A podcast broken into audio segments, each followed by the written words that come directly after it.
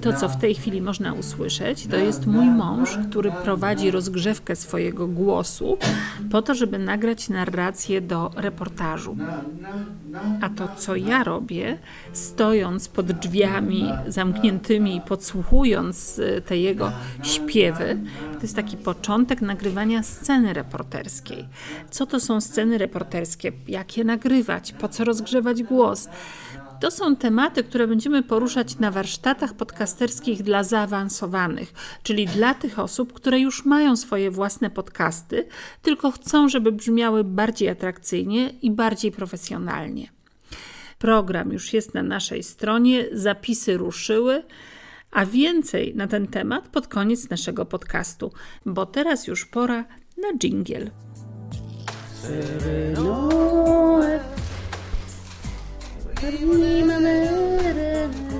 Jak nagrać to, co zdarza się pomiędzy ludźmi?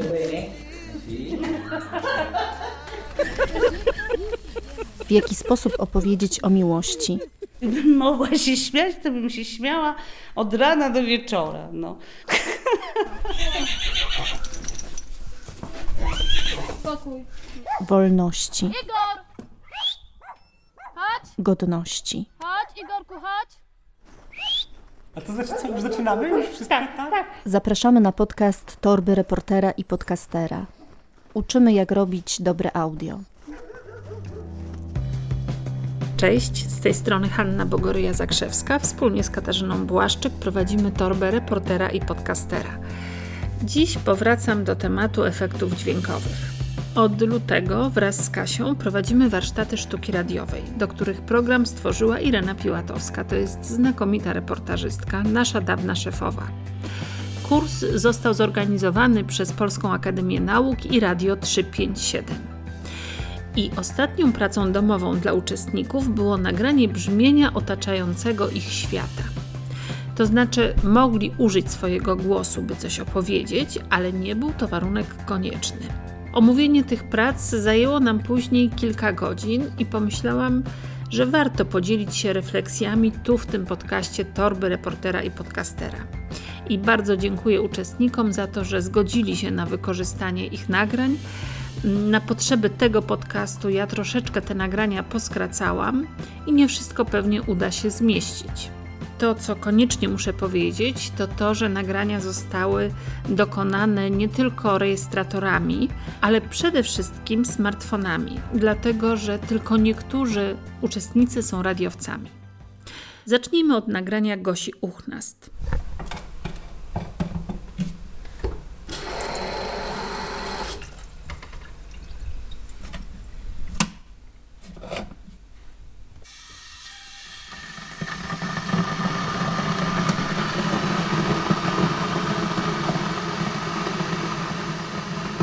Uczestnicy warsztatów sztuki radiowej mieli pewne wątpliwości, co to jest za dźwięk. Padały zdania, że to jakieś bulgotanie albo jakieś może dźwięki science fiction. Może jakiś pojazd, który gdzieś wylądował.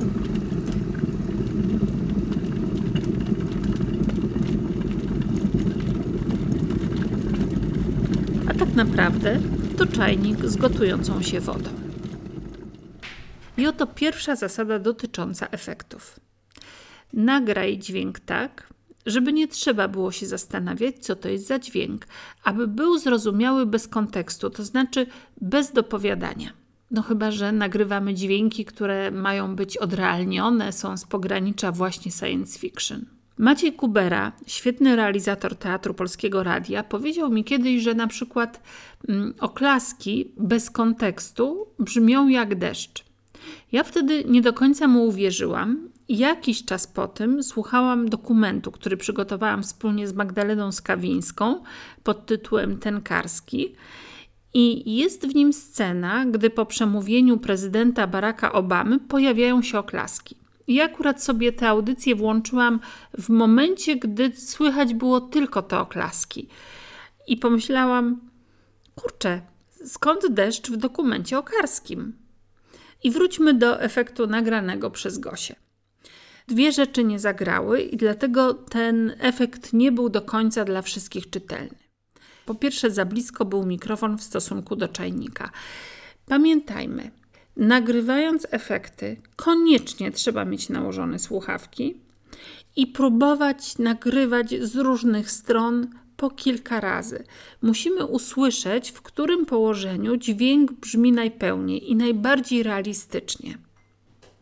Po drugie, bardziej wyraźnie powinno być nagrane włączanie i wyłączanie czajnika, czyli ten charakterystyczny pstryk, dlatego że wtedy możemy szybciej skojarzyć, czego słuchamy.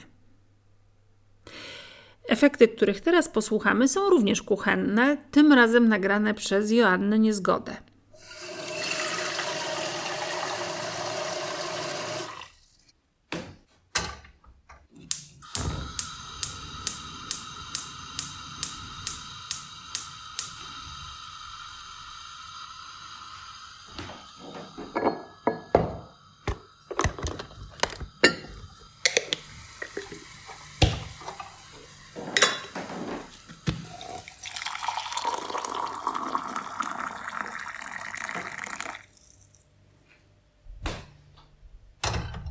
Była, nazwijmy to, etiuda kuchenna, którą Joanna wykorzystała do takiej oto opowieści. Po całym dniu pracy miło jest wrócić do domu i napić się herbaty.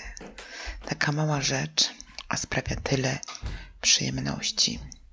Chińskie przysłowie mówi, że herbata odda wszystko, co w niej tkwi, jeżeli otrzyma wszystko, czego potrzebuje.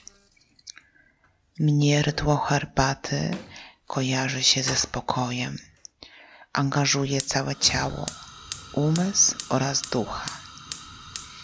Japońska ceremonia parzenia herbaty odbywa się w sposób szczególnie uroczysty, zgodny z czterema zasadami: harmonią, czystością, szacunkiem i spokojem. Samo parzenie herbaty jest ostatnim elementem całej ceremonii. Najpierw spacerujemy po ogrodzie, kontemplujemy przyrodę. Ceremonia powinna odbywać się w specjalnie przygotowanym pawilonie, znajdującym się w sercu zielonego ogrodu. Nierozłącznym elementem jest strumyk i niskie wejście do pawilonu. Po wejściu należy zająć miejsce na położonych na ziemiach matach. W tym momencie wskazana jest rozmowa. Następnie goście częstują się letkim posiłkiem, czasem również sakę. Teraz najważniejszy element. Gospodarz przyrządza herbatę, gotuje wodę, do czarek wsypuje maczę, specjalną zieloną herbatę, której krzewy hodowane są w specjalnych pomieszczeniach bez świateł. Roślina wzrasta znacznie wolniej, nabiera charakterystycznego słodkiego smaku. Przygotowanie napoju wydaje się proste, ale wymaga lat doświadczenia, poszukiwania idealnych proporcji wody i herbaty. Na każdego gościa powinny przypadać trzy łyżki sproszkowanej herbaty, zalewane wodą o odpowiedniej temperaturze i roztrzepane w czarce przy użyciu bambusowej miotełki wykonującej ruch litery W. Wszystko odbywa się w spokojnej atmosferze, bez pośpiechu. Może więc trwać nawet kilka godzin. Teraz ja oddam się tej małej przyjemności. No i tak powstała historia o rytuale parzenia i picia zielonej herbaty. I mamy tutaj równolegle prowadzone dwie opowieści: dźwiękową i słowną. I jedna uzupełnia drugą. Myślę, że Joanna zdecydowała się na ten zabieg po to, żeby urozmaicić tę warstwę słowną, ale też chciała w ten sposób uplastycznić swoją opowieść. I to oczywiście zadziałało, choć jak wynikało z dyskusji uczestników na warsztatach, nie na wszystkich działa mm, tak dobrze takie połączenie, że niektóre dźwięki troszeczkę rozpraszały słuchających. Czy to jest dobry sposób, takie połączenie głosów i efektów? Oczywiście, że tak. Można w ten sposób prowadzić opowieść, ale koniecznie trzeba zwrócić uwagę na jedną rzecz. I tu mamy zasadę numer dwa dotyczącą efektów. Nie robimy masła maślanego. To znaczy, bohater opowiada nam, że coś robi, a pod spodem przez cały czas w tle jest cisza i nagle, gdy opowiadający mówi, że na przykład uwielbia dzwonek roweru, to my dajemy efekt dzwonka. Albo ktoś mówi, że zamknęła się za nim brama i my nagle słyszymy tę bramę. To zabija wyobraźnię, bo to jest piekielnie dosłowne. My wiemy, że słuchacz wie, że to jest sztucznie dołożone po to, żeby. No właśnie po co? Żeby wzmocnić to, co zostało powiedziane? W przypadku tego materiału Joanny o herbacie to nie były ilustracyjne efekty, które zostały dołożone gdzie niegdzie, tylko cały czas w tle pod jej głosem toczyła się taka właśnie brzmieniowa, dźwiękowa opowieść o herbacie. Z tym, że ja na przykład wolę, czy lubię bardziej jeszcze inny sposób używania dźwięków, bardzo trudny do nagrania. Oto praca domowa Jadwigi Graboś.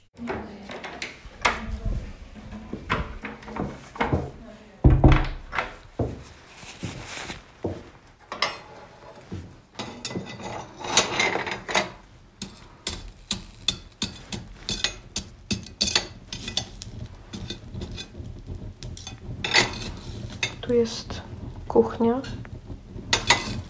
przy której siedziała moja babcia. Tu rozmawiałyśmy o różnych rzeczach. Tutaj moja mama piekła placki drożdżowe. Tutaj wciąż jeszcze się pali ogień.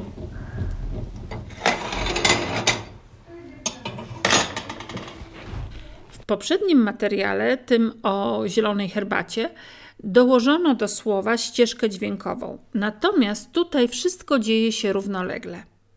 To znaczy, jest to tak zwana scena radiowa. Jadwiga wchodzi, staje przed kuchnią, grzebie w piecu pogrzebaczem i opowiada. I my w jej głosie słyszymy, że ten piec, ten ogień są przed nią i że przywołują wspomnienia. I to wszystko działa bardzo na naszą wyobraźnię, jest bardzo obrazowe. I jest to jednocześnie bardzo trudne. Dlaczego? Dlatego, że trudno jest nagrać siebie dobrze i jednocześnie efekty. Bardzo łatwo jest wtedy o przester, o zniekształ- czyli zniekształcenie dźwięku, albo jakieś niepożądane stuknięcia, albo o szelesty. Dlatego, jeśli ma być to czysto nagrane, warto poprosić kogoś, żeby to nagrał, a my będziemy sami opowiadać. Oczywiście o wiele jest łatwiej, jeżeli to bohater coś robi i my wtedy nagrywamy to, co on robi i to, o czym on opowiada. A teraz będzie więcej o tych niepożądanych dźwiękach, ale nie tylko o tym. Posłuchajmy materiału Juliusza Buczyńskiego. To jest e, nagranie troszkę dłuższe, dlatego radzę zamknąć oczy, rozsiąść się wygodnie, no i zanurzyć się w świat dźwięków. Thank you.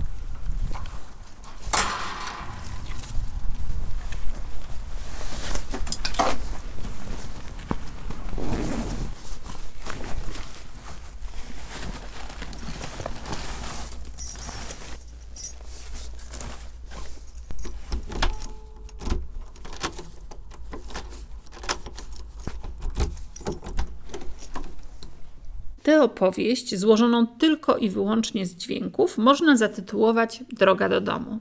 Słucha się według mnie tego bardzo przyjemnie. Na co zwrócę tu uwagę? Po pierwsze, pojawia się zamykanie drzwi, które zazwyczaj nagrywane jest z przesterem, czyli z tym zniekształceniem dźwięku. I tu zasada numer cztery dotycząca efektów. Nagrywanie sekwencyjne, po to, żeby dźwięk był czysty.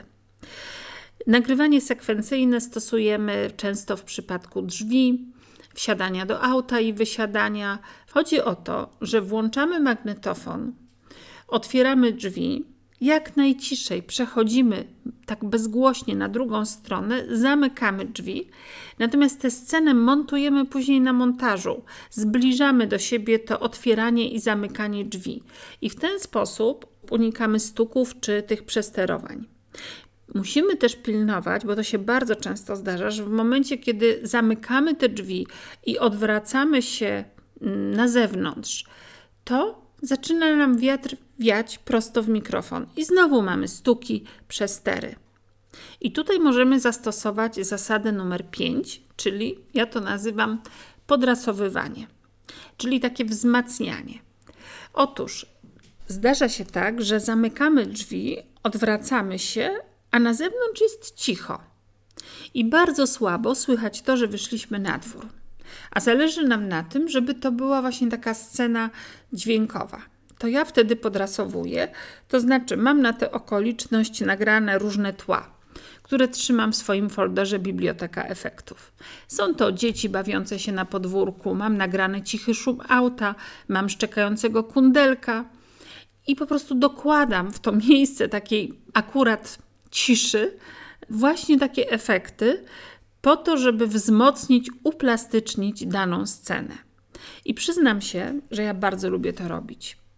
Inny przykład, y, zmieniam plan dźwiękowy i wchodzę na przykład na wiejskie podwórko i jak na złość kundelek śpi w swojej budzie i nie szczeka na mój widok. A mi bardzo zależy, żeby zaznaczyć, że ja właśnie jestem na wsi. No i na tę okoliczność wyciągam nagrania swojego pieska, który bywa w moich reportażach psem wiejskim, miejskim, myśliwskim, domowym.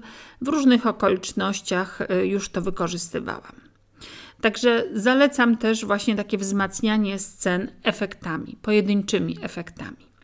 I jeszcze jedna bardzo ważna rzecz dotycząca takich niepożądanych stuków dźwięków, przydźwięków. Musimy zwrócić uwagę na to, w co jesteśmy ubrani. Jeżeli jest to zima i mamy szeleszczącą kurtkę ortalionową, którą słychać przy każdym naszym ruchu, to niestety musimy nagrywać tak, żeby tej kurtki nie było słychać bo to jest tak zwany brud. To powoduje zanieczyszczenie tego nagranego dźwięku. Tak samo musimy zwrócić uwagę, czy na przykład jakaś biżuteria nam tam nie brzdęka, albo nasze klucze w kieszeniach, to też się bardzo często zdarza. Kobietom zdarza się, że słychać, że torba ociera o plecy, na przykład jeżeli jest to plecak albo obok, jeżeli jest to torebka na ramieniu. To słuchajcie, są wszystko takie brudy, które przeszkadzają w takim jasnym zrozumieniu od razu, z jakim efektem, z jakim dźwiękiem mamy do czynienia. A wracając do tego materiału o drodze do domu, to następna rzecz, którą, na którą bym zwróciła uwagę, to to, że zabrakło pewnych charakterystycznych dźwięków, które by od razu słuchaczowi mówiły, gdzie się znajdujemy. Pojazdy, które były, którymi podróżował do domu. Chodzi o to, że już o tym wspominałam, że trzeba bardzo pilnować tego, aby słuchacz momentalnie orientował się, czego słucha, gdzie jest, tak żeby w jego głowie równolegle z opowiadanym słowem czy dźwiękiem pojawiały się obrazy. I co ja rozumiem przez te charakterystyczne dźwięki? Posłuchajmy nagrania Piotra Kwolaka. Marzec. Idzie wiosna, w końcu robi się ciepło. Wręcz idealny moment, aby wybrać się w końcu na spacer. Dziś za cel obieram sobie rynek. A rynek jakiego miasta? Myślę, że za chwilę wszystko będzie jasne.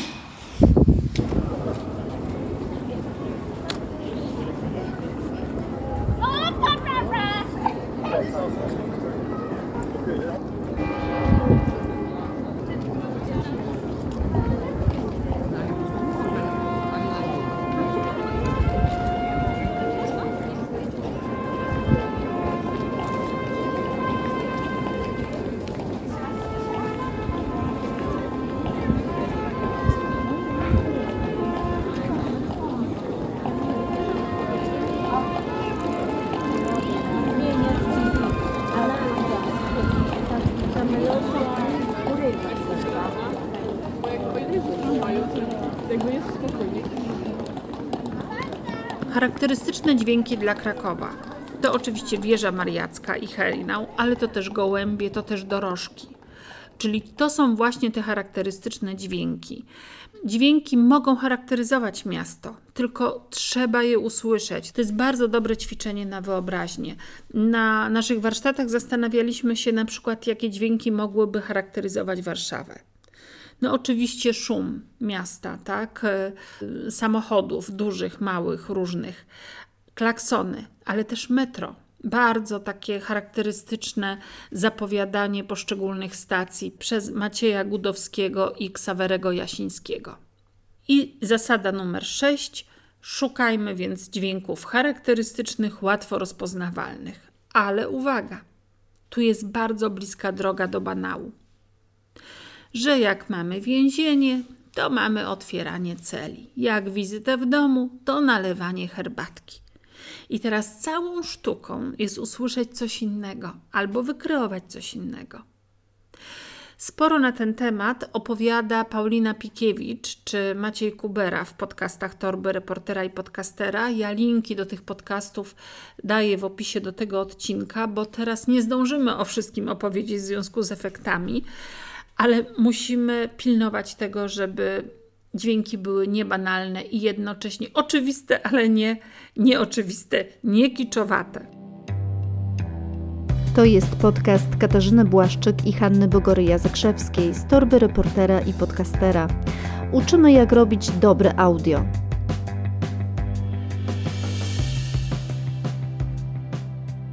Teraz posłuchajmy pojedynczych dźwięków. Najpierw nagranych przez Darka Kiełbasiewicza. Nagrał je tak, że od razu zorientujemy się o co chodzi. Pierwszy przykład.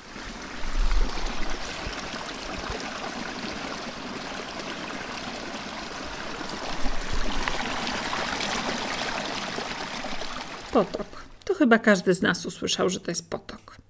Drugi dźwięk jest troszkę mniej oczywisty.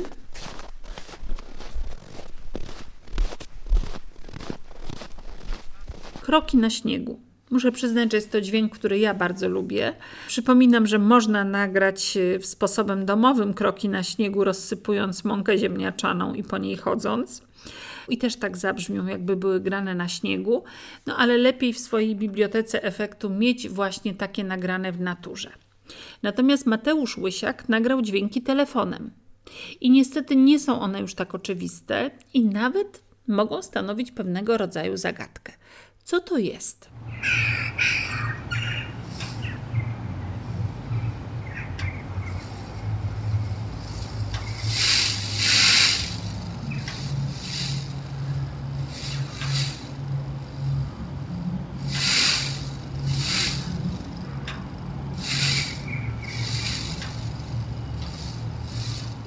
No właśnie, to są pawie gody. Ciekawa jestem, czy ktoś zgadł. Niestety nie są nagrane bliżej, są nagrane, jak mówiłam, telefonem. Drugi dźwięk to też jest pewnego rodzaju zagadka.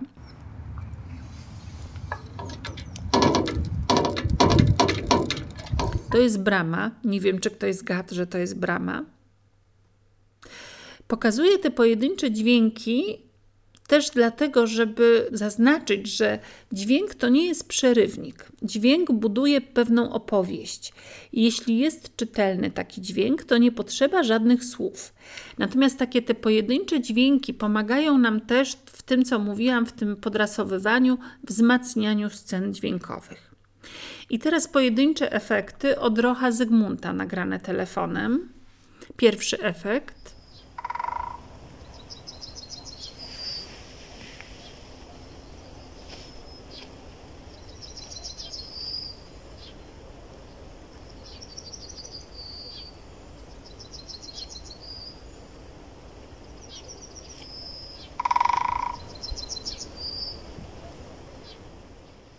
I drugi efekt.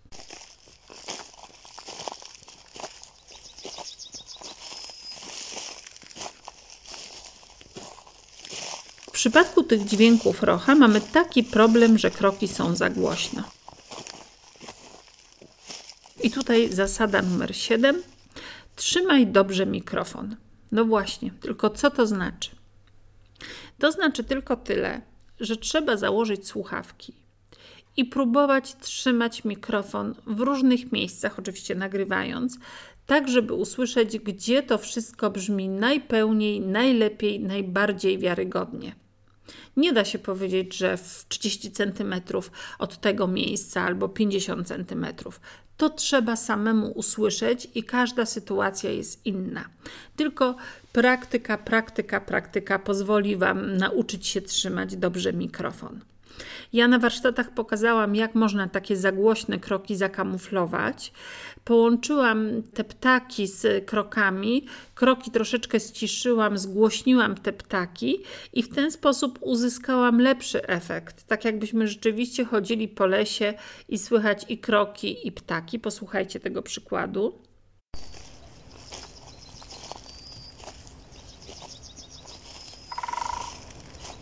Ale najlepiej jest nagrać od razu, tak, żeby było słychać i ptaki, i kroki, no i jeszcze często nasz głos.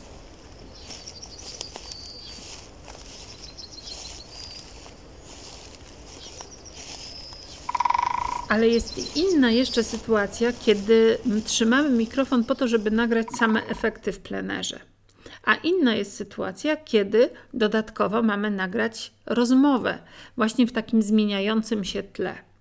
Jak wtedy trzymać y, mikrofon? No tutaj jest łatwiej, tutaj mogę coś poradzić, dlatego że mm, wtedy nie skupiamy się tak bardzo na, na tym, czy słyszalne są dźwięki otoczenia, czy nie są za cicho, dlatego że możemy sobie później tę ścieżkę przejść jeszcze raz, dograć ścieżkę dźwiękową i ją podłożyć pod naszą rozmowę, czyli znowu wzmocnić to, co słyszymy. Dla nas jest najważniejsze to, żeby było słychać naszego rozmówcę. W związku z tym ja mam zwyczaj, że cały czas, nawet jak on kręci głową, odwraca się do mnie tyłem, przechodzi niespodziewanie na bok, ja cały czas kontroluję te jego ruchy i trzymam mikrofon cały czas w tej samej odległości od jego buzi.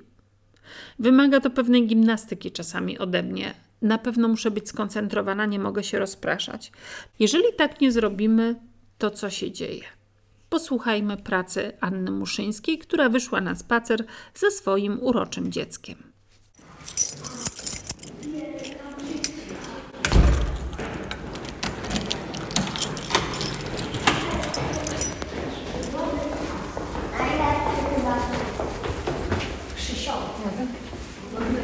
Bo jest 38. O 30. Ja dzisiaj obudziłem się pierwszy od ciebie. I tak sobie leżałem. A ty spałaś, sobie zerwałeś, pobiegłeś. Nie, Dodek. Ja się wcześniej już obudziłem. E, tylko ja sobie leżałem, bo mi się nie chciało oczu otwierać, ale ja już się obudziłem. A potem sobie się przekonałem, że e, m- muszę jeszcze zrobić matmę. Wyskoczyłem z łóżka jak procy, jak ten diablik ze święconej wody i normalnie pobiegłem. E, najpierw musiałem się Jak słychać, chłopiec jest świetnym opowiadaczem. Ania towarzyszy mu w drodze do szkoły, ale niestety on idzie przed nią szybciej. Ona nagrywa całą scenę telefonem. W związku z tym nie ma możliwości, żeby mu podsunąć ten mikrofon pod usta. I w związku z tym męczymy się słuchając tego. I chociaż chłopiec jest genialny i pięknie opowiada, to tak naprawdę mm, męczy nas słuchanie całości. I tutaj w tym momencie mi się przypomina jeszcze zasada numer 8, czyli dopowiadanie. Przypomniało mi się dlatego, czasami jest tak, że właśnie towarzyszymy komuś z mikrofonem, kiedy ten ktoś coś robi. I tu jest taka trudność, że musimy cały czas po pierwsze wsłuchiwać się w to, co mówi nasz rozmówca, żeby reagować pytaniami. Po drugie, musimy cały czas w tym samym momencie kontrolować, czy nasz dźwięk jest czytelny technicznie. I po trzecie, przez cały czas musimy kombinować, główkować, czy wszystko, co zostało mm, nagrane dźwiękowo, też jest zrozumiałe. Czyli wracam do tego, że nasz słuchacz musi od razu wiedzieć, gdzie się znajduje i co się dzieje.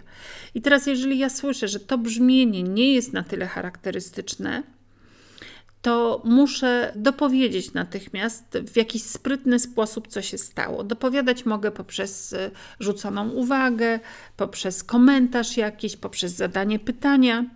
To już zależy od sytuacji. I tu przypomina mi się jeden moment, kiedy licealiści na warsztatach podcasterskich, które z Kasią prowadziłyśmy dla biblioteki Liceum w Warszawie Wesołej, byli z wizytą w budynku naszej księgarni. I tam prezes wydawnictwa oprowadzał ich między innymi po swoim gabinecie i w pewnym momencie ja słucham tych nagrań i młodzież się zaśmiewa, ponieważ pojawia się jakiś taki dźwięk, to, była, to był jakiś utwór muzyczny i oni się śmieją i mówią, ale to śmieszne i to wydaje takie dźwięki. I cały czas o tym mówią, śmieją się z tego, a ja za cholerę nie wiem, co oni oglądają. W związku z tym później, e, kiedy już dopracowywaliśmy wspólnie te podcasty, zapytałam, co to było. Okazuje się, że to była taka śpiewająca ryba, taki gadżet na biurku tego prezesa. Więc poprosiłam, żeby jedna z uczennic przypomniała sobie ten moment, jak stoją przed tym biurkiem i się śmieją, i żeby powiedziała mi do mikrofonu takie słowo, tak, takie zdanko krótkie, tak jakby tam stała. Powiedziała, ale ta ryba śmieszna, śpiewająca ryba, taki gadżet. Coś w tym stylu. I ona mi to powiedziała, ja to zatopiłam w tę sytuację dźwiękową z ich nagrań i to wyglądało tak, jakby ona to powiedziała tam, w tamtym momencie, a jednocześnie słuchacz rozumiał, że oni oglądają jakiś śpiewający gadżet, śpiewającą rybę. Także to miałam na myśli, e, mówiąc o dopowiadaniu tego, co jest niezrozumiałe. Ostatnia zasada, bardzo piękna. Im dźwięk jest ładniejszy, lepiej brzmiący, bardziej zrozumiały, staje się bardziej magiczny, bardziej plastyczny, a przez to przenosi nas w jakiś inny świat, a przede wszystkim nas przyciąga, czyli przyciąga naszego słuchacza. I to się dzieje w tych dwóch pracach, które zaprezentuję w tej chwili. Pierwsza to jest Ewy Świerżawskiej. Trzy razy dziennie, codziennie, tak jest zatytułowana. Radzę zamknąć oczy i pójść z Ewą na spacer. Rawi! Spacerek! Już no? Spacerek! Myślisz, że nie? Chodź!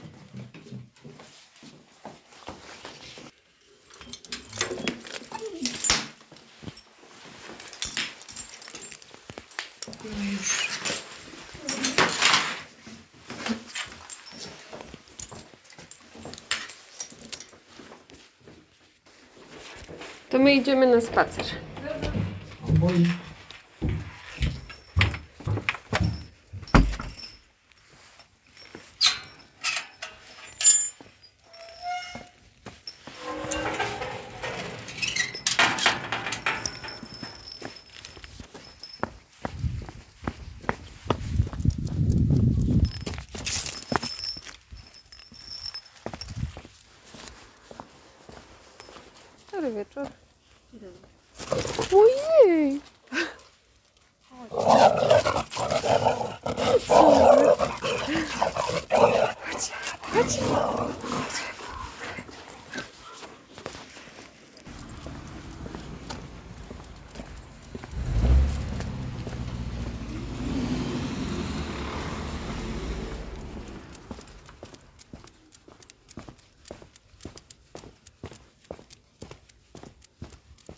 Czy tu są potrzebne jakieś słowa, żeby powiedzieć o tym, co się wydarzyło?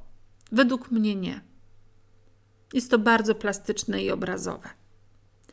Natomiast druga praca, która jest ostatnia w tym podcaście, ale tak naprawdę przyszła do mnie jako pierwsza w ramach zadania domowego, jest autorstwa Patrycji Zisz-Piekarskiej, która jest dziennikarką radiową i nagrała sceny domowe zaraz po naszych warsztatach. Podobno tak była stęskniona nagrywania i dźwięków. Posłuchajcie tego, jak bardzo jest to przemyślana konstrukcja. Ten sam dźwięk pojawia się na początku i na końcu. Patrycja wybrała w swoim otoczeniu rzeczy, które wydają dźwięki, a jeśli nie wydają ich, jeśli tak się nie dzieje, to sama dopowiada. Bawi się akustyką. Bardzo też fajnie brzmi głos Ignasia. Jest to też bardzo ważny element tej całej przestrzeni akustycznej, a to wszystko nagrane jest jak wielka scena dźwiękowa. Czyli nie jest tak, że najpierw było nagrane słowo, a pod to podłożono ścieżkę dźwiękową, tylko jest to wszystko nagrywane w działaniu. Radiowcy mówią na to dziejstwo. I to nie czajnik, a wiatr wieje. Prawda, Ignasiu? Tak? Co się, Ignasiu, zmieniło w ciągu tego roku? Powiedz wszystko, nie? Tak. Poczekaj, mama weźmie na kolanka. Co się zmieniło? Z aktywnej, działającej w wielu dziedzinach osoby stałam się osobą, nadal aktywnie działającą, ale na jednym polu, którym jest dom. W marcu zeszłego roku urodziłam synka. Jest to oczywiście szczęście, duma, radość rodziców, dziadków, pociotek, e, kota Leona. Tak, jest to sztuka domowa. Pobawimy się? Kto przyszedł? Leon. Zawołaj kotka, Ignaś.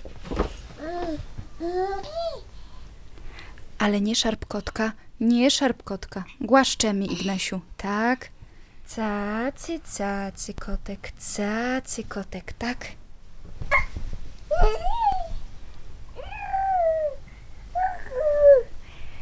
Co to?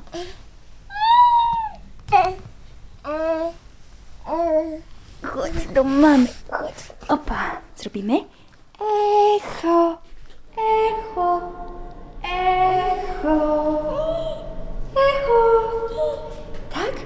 Robimy? Pstryk. Zrób pstryk. Świeci światło. A gdzie robisz dryn, dryn? Dryn, dryn. Otworzymy drzwi, żebyś słyszał.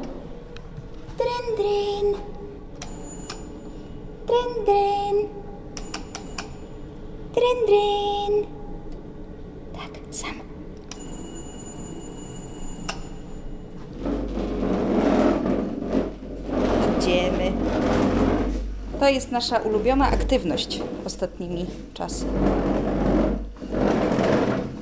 Może nie jest to zbyt atrakcyjne dźwiękowo, ale za to jakie pożyteczne. Ignacy chodzi. Co prawda jeszcze z krzesełkiem u boku, ale chodzi. Tut. Na miejscu. A, jeszcze nie na miejscu. Teraz na miejscu. Hej! Co świeci? Piekarnik świeci? Naciśnij słoneczko. Naciśnij na środek. Tak, mruga. O, i czekamy.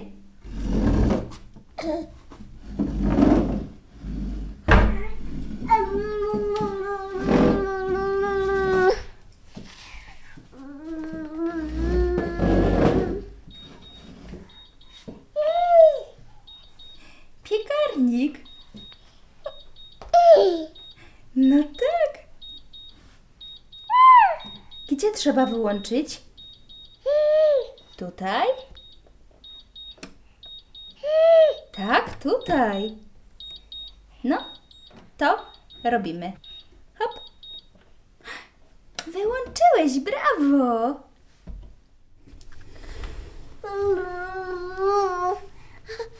To co, robimy jedzonko? Będziesz jadł już kolację?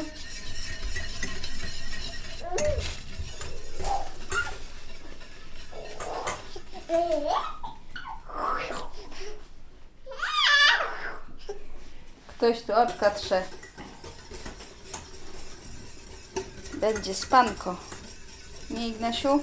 Powiedz, mama zaraz zrobi. Czerwona kolacja, Czerwona kolacja będzie tak. później spanko. I spanko będzie.